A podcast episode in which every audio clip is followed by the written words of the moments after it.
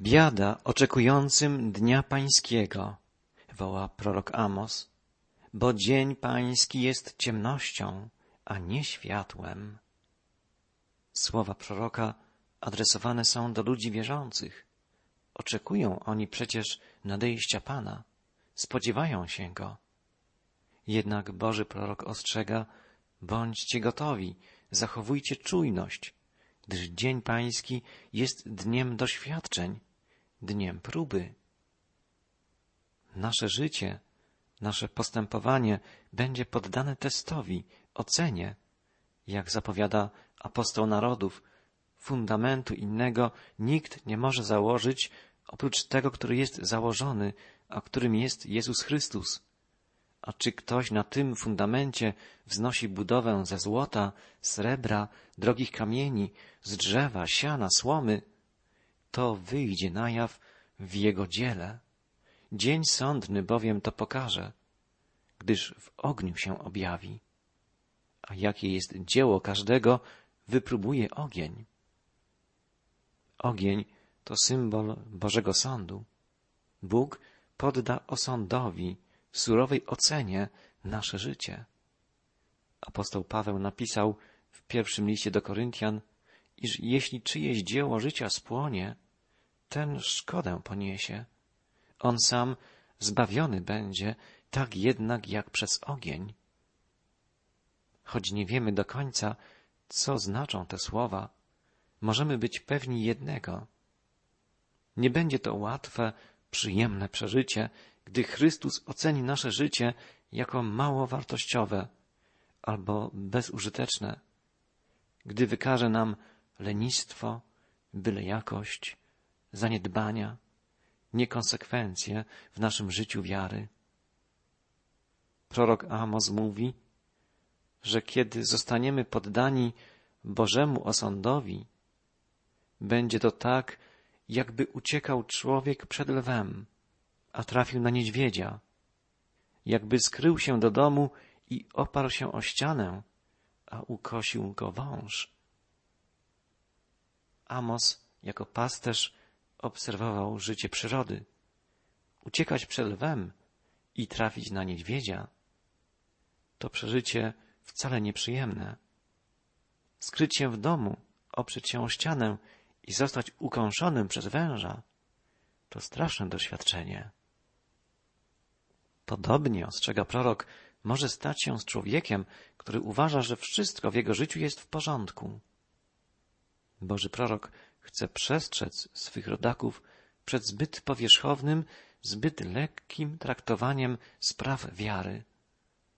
Podobną wymowę mają słowa apostoła narodów z drugiego listu do Koryntian. Wiedząc tedy, co to jest bojaźń pańska, staramy się przekonywać ludzi. Bojaźń pańska to autentyczny respekt przed Bogiem świadomość odpowiedzialności przed świętym Panem, który widzi wszystkie nasze czyny, zna nasze słowa, nasze myśli. Jak odnosimy się do naszych najbliższych w domu? Jak postępujemy w miejscu pracy, w sklepie, na urlopie, w kontaktach z osobami płci przeciwnej? To wszystko widzi nasz Pan i wszystko zostanie poddane pod Jego osąd, Jego ocenę. Jak będziemy się czuli, kiedy staniemy przed Nim twarzą w twarz? Drogi przyjacielu, pozwól, że zadam Ci pytanie. Czy chciałbyś dzisiaj stanąć przed świętym, wszechmocnym Panem? Czy wszystko w Twoim życiu jest uporządkowane, uregulowane? Jeśli czujesz, że nie, zachęcam Cię, przyjdź do Boga w modlitwie. Dzisiaj, jutro, pojutrze. Jak najczęściej rozmawiaj z Nim i szczerze wyznawaj to, co zrobiłeś złego. Że byłeś nieuprzejmy dla sąsiada, dla kolegi, że skrzywdziłeś żonę, córkę, brata, że niepotrzebnie plotkowałeś na temat znajomego, przyjaciela, Rozmawiaj z Panem o swoich błędach, swoich uchybieniach, grzechach. Nie zostawiaj tego na potem. Tu i teraz, na co dzień, musimy przychodzić przed oblicze naszego Stwórcy i Zbawiciela i prosić Go o przebaczenie, o oczyszczenie, uświęcenie. Kiedy nadejdzie dzień pański, będzie już na to za późno. Będzie to dzień sądu, dzień rozliczenia świata za całe zło popełnione przez wieki, przez całą ludzkość. Przecież dzień pański jest ciemnością, a nie światłem, mrokiem, a nie ma w nim jasności. Jeszcze raz prorok Amos przypomina, że dzień pański rozpocznie się mrokiem wielkiego ucisku.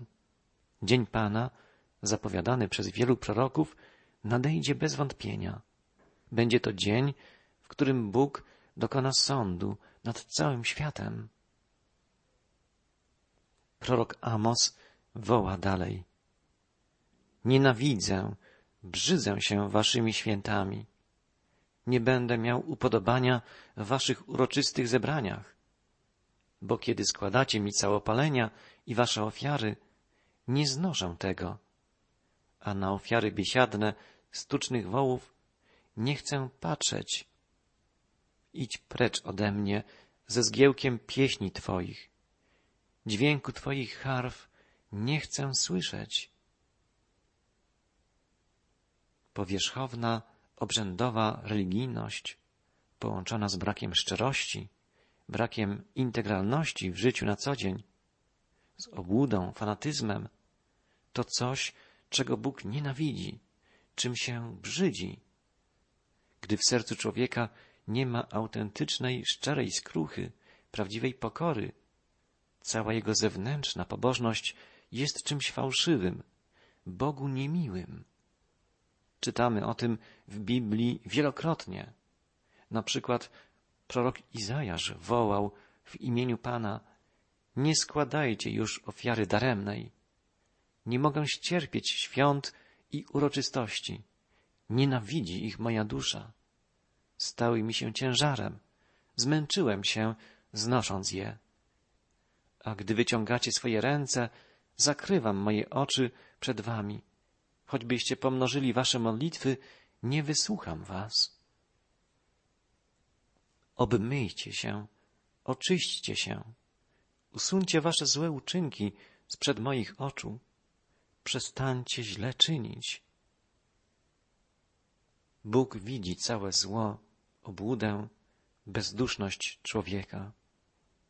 Obrzędy, śpiewy, modlitwy są dla Niego bez znaczenia, a nawet są dla Niego przykrym ciężarem, gdy widzi, że myśli, słowa, czyny tych samych ludzi, którzy pozornie są tak religijni, w rzeczywistości są pełne egoizmu, zła, bezprawia.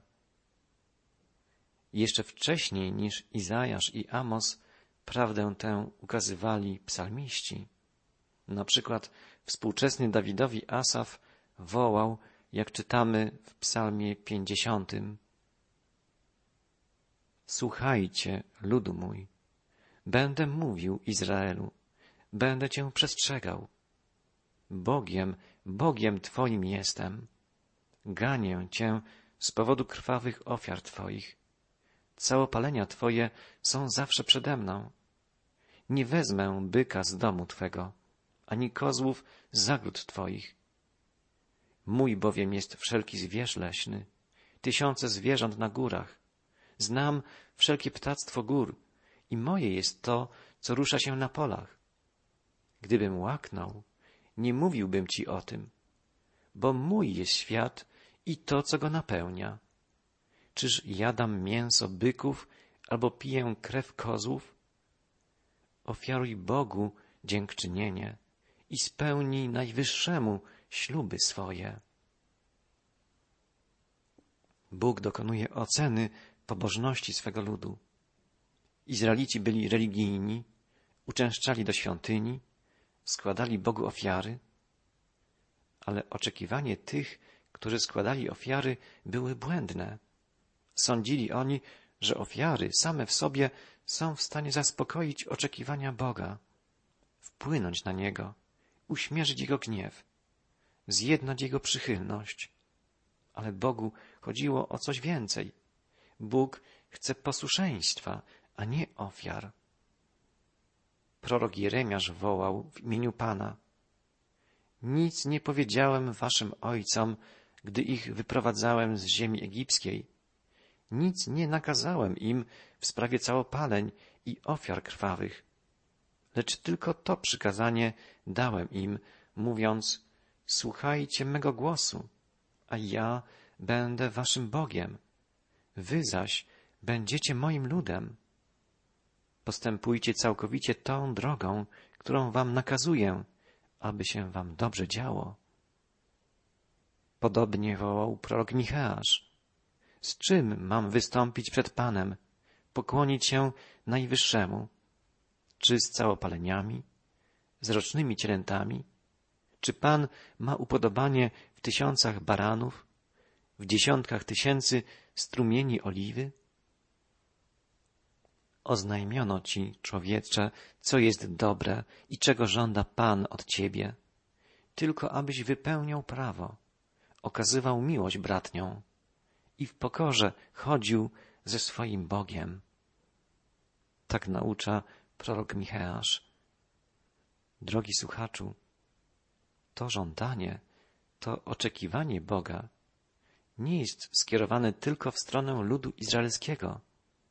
Bóg oczekuje posłuszeństwa i miłości także od Ciebie i ode mnie. Pan woła. Wzywaj mnie w dniu niedoli. Wybawię Cię, a Ty mnie uwielbisz. Bóg pragnie, byśmy Go wzywali.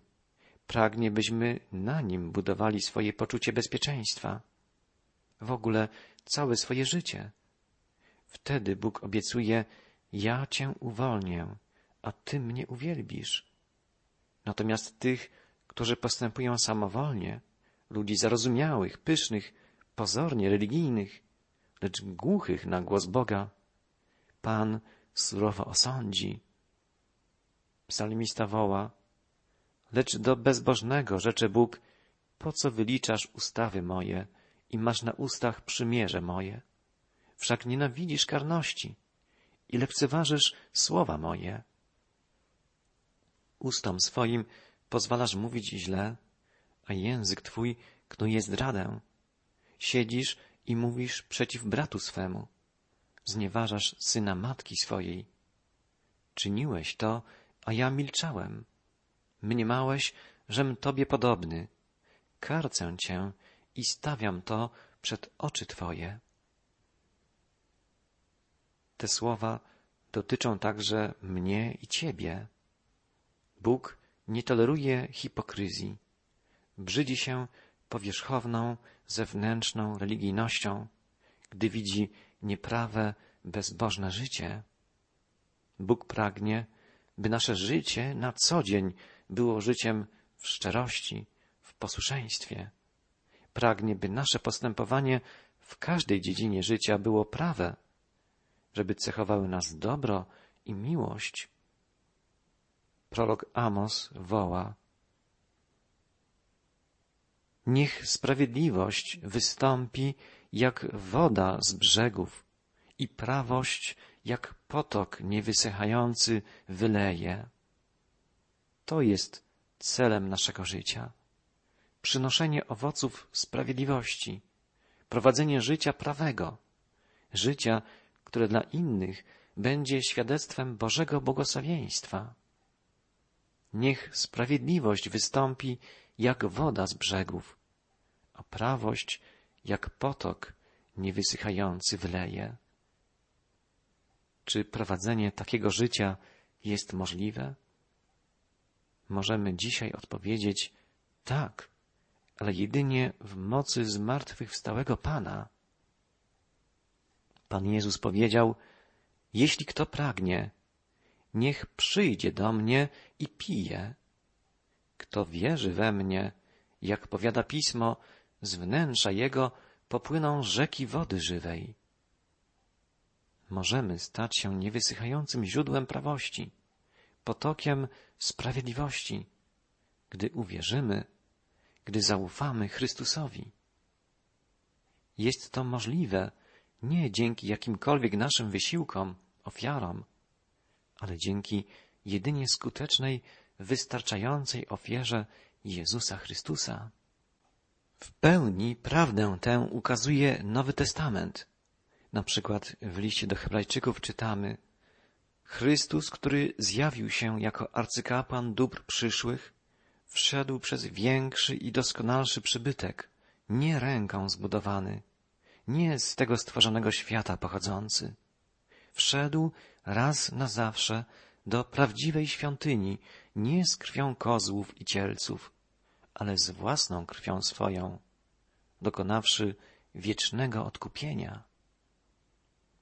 Jezus, wchodząc z własną krwią do prawdziwej świątyni, niebiańskiej świątyni, dokonał wiecznego odkupienia. Ofiara Chrystusa przynosi oczyszczenie i zbawienie ludziom wszystkich czasów. Tym, którzy żyli w okresie Starego Przymierza także. Abraham był zbawiony dzięki wierze w Boga. Zaufał Bogu i był gotowy oddać mu nawet swego jedynego syna, żeby okazać mu posłuszeństwo. W ofierze złożony został jednak nie Izaak, lecz baranek. Zapowiadał on obrazowo ofiarę Jezusa Chrystusa. To Bóg Ojciec złożył w ofierze swojego jedynego Syna, żeby nas zbawić.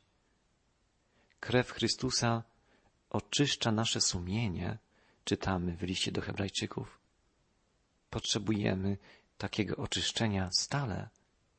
Jeśli chodzimy w światłości Chrystusa, Jego krew oczyszcza nas z wszelkiego grzechu i trwamy wtedy w bliskiej więzi z Nim i ze sobą nawzajem, naucza apostoł Jan.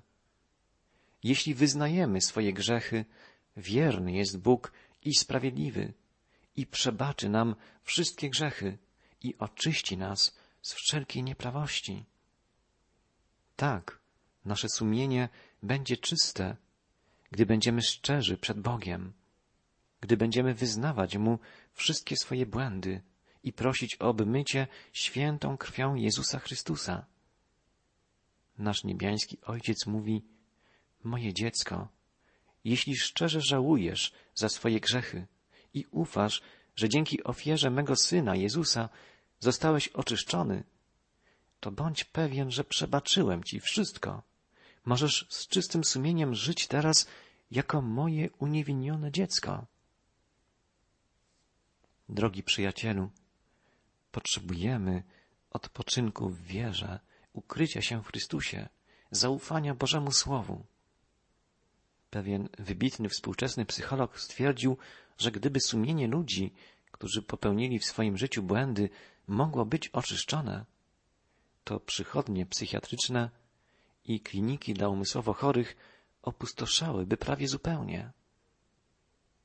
Ludzie potrzebują przebaczenia, a tylko Bóg może nam w pełni przebaczyć. Tylko krew Jezusa Chrystusa może oczyścić nasze sumienie. Nowy Testament mówi też o oczyszczeniu naszego sumienia od martwych uczynków.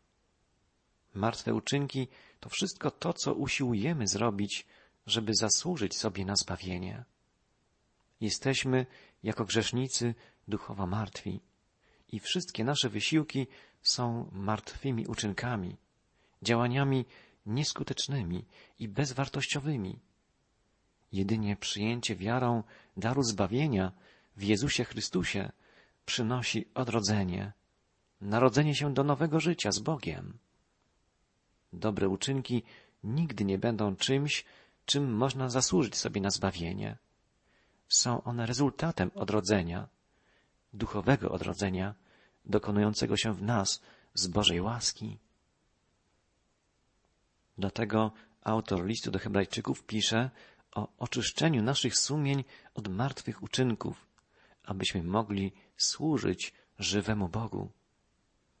Nie można naprawdę służyć owocnie żywemu Bogu, jeśli nie doznało się odrodzenia duchowego. Służba Bogu związana jest nierozerwalnie z naszą osobistą więzią z Panem. Nie można służyć Bogu bez doświadczenia Jego bliskości. I nie można być blisko Boga, nie służąc Mu. Jeśli naprawdę poznaliśmy łaskę i miłość Boga, jeśli usiedliśmy u stóp Chrystusa, by słuchać Jego słów, nie pozostaniemy bezczynni. Odczujemy pragnienie służenia Mu, pragnienie zrobienia czegoś dobrego, pożytecznego dla Jego Królestwa. Wszystko to jest możliwe dzięki ofierze i działaniu naszego arcykapłana, Jezusa Chrystusa. Chrystus wszedł do nieba, żeby teraz wstawiać się za nami. Czytamy w liście do Hebrajczyków. Świątynia, w której Jezus się znajduje, należy do świata duchowego, ale jest to świątynia rzeczywista, jest to prawdziwe niebo, istnieje naprawdę. Jezus zmarł na krzyżu, by nas zbawić, a teraz przebywa w niebie, by się za nami wstawiać. Chrystus dokonał raz na zawsze ofiary wystarczającej na wieki. Objawił się, jak czytamy, u schyłku wieków, co oznacza, że przyszedł, by oznajmić koniec epoki prawa i zapoczątkować erę nowego stworzenia, erę Bożej łaski. Drogi przyjacielu, dzisiaj jest dzień, którym Twój grzech może być zgładzony, przeniesiony na Jezusa. On, jako kochający Cię Zbawiciel, złożył w ofierze swoje życie, by Cię odkupić, byś Ty mógł żyć. Chrystus umarł raz, by zgładzić Twój i mój grzech. Po raz drugi przyjdzie na ziemię już nie po to, by powtarzać swoją ofiarę. Przyjdzie, by zapytać, czy skorzystałeś z ratunku, który dał Ci raz na zawsze, przelewając swoją krew na krzyżu. Uchwyć się wiarą Zbawiciela dzisiaj, bo trwa czas łaski, trwa czas zbawienia. On przemieni Twoje życie, które stanie się jak źródło tryskające sprawiedliwością, jak potok płynący ku wieczności.